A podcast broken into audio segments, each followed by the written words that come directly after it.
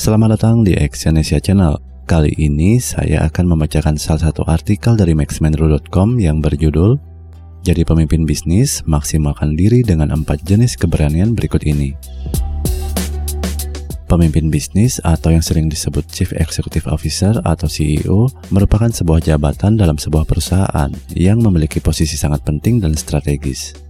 Karena memiliki posisi sangat strategis ini, maka orang-orang yang terpilih menjadi pemimpin bisnis harus memiliki kemampuan dan keahlian yang mumpuni. Selain skill manajemen dan strategi bisnis, para pemimpin bisnis diharuskan memiliki keberanian untuk bisa menjalankan bisnisnya dengan sukses. Dalam hal ini, setidaknya ada empat jenis keberanian yang harus dikuasai para pemimpin bisnis. Yang pertama, keberanian menjadi diri sendiri. Jenis keberanian yang pertama yang harus dimiliki para pemimpin bisnis adalah keberanian menjadi diri sendiri. Seorang pemimpin bisnis yang akan sering bertemu dengan orang-orang penting bisa jadi akan mempengaruhi dirinya, apalagi jika ia adalah orang yang sering kali mengidolakan orang lain sebagai panutan. Memiliki tokoh sebagai inspirasi bisnis dan hidup memang tidak ada yang salah. Namun hal ini akan membuat Anda tak profesional sebagai pemimpin bisnis jika Anda terlalu memuja dan mencontoh penuh setiap detail karakternya.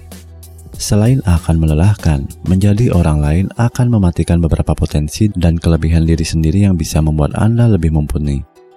Untuk itulah, Anda harus berani menjadi diri sendiri dan percaya akan kemampuan diri sendiri.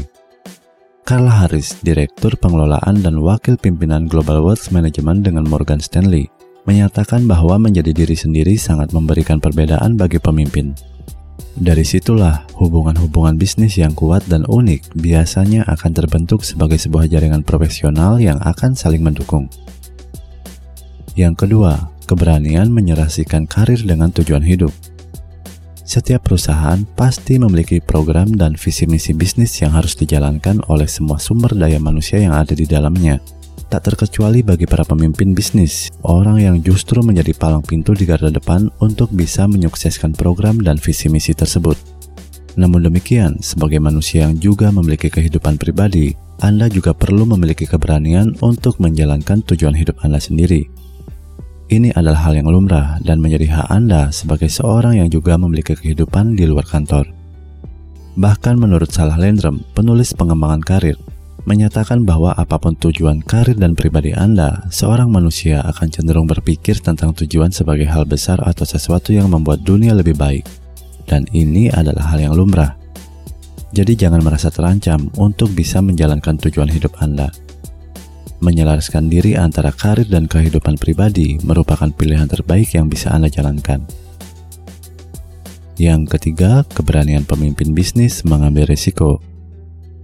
Meskipun Anda bukanlah pemilik bisnis yang memiliki sebagian besar saham, namun saat Anda ditunjuk sebagai pemimpin bisnis, Anda juga menjadi orang yang bertanggung jawab pada bisnis dan perusahaan. Secara tidak langsung sebenarnya orang yang telah ditunjuk sebagai pemimpin perusahaan juga telah menjadi pebisnis atau pemilik bisnis. Maka dari itu, sebagai pemimpin bisnis, Anda pasti akan dituntut untuk memiliki keberanian dalam mengambil risiko bisnis. Tentunya keberanian mengambil risiko ini juga harus didukung dan dilandasi sebelumnya dengan sebuah analisis dan pertimbangan yang sudah sangat matang. Valerie Oswald, wakil pimpinan penjualan area barat untuk Mondelez Internasional, bahkan menyatakan pimpinan bisnis yang tak mengambil risiko sama saja dengan membuat lebih kita berisiko. Yang keempat, keberanian membela yang benar. Terakhir, jenis keberanian yang perlu dikuasai oleh seorang pemimpin bisnis adalah keberanian untuk membela yang benar.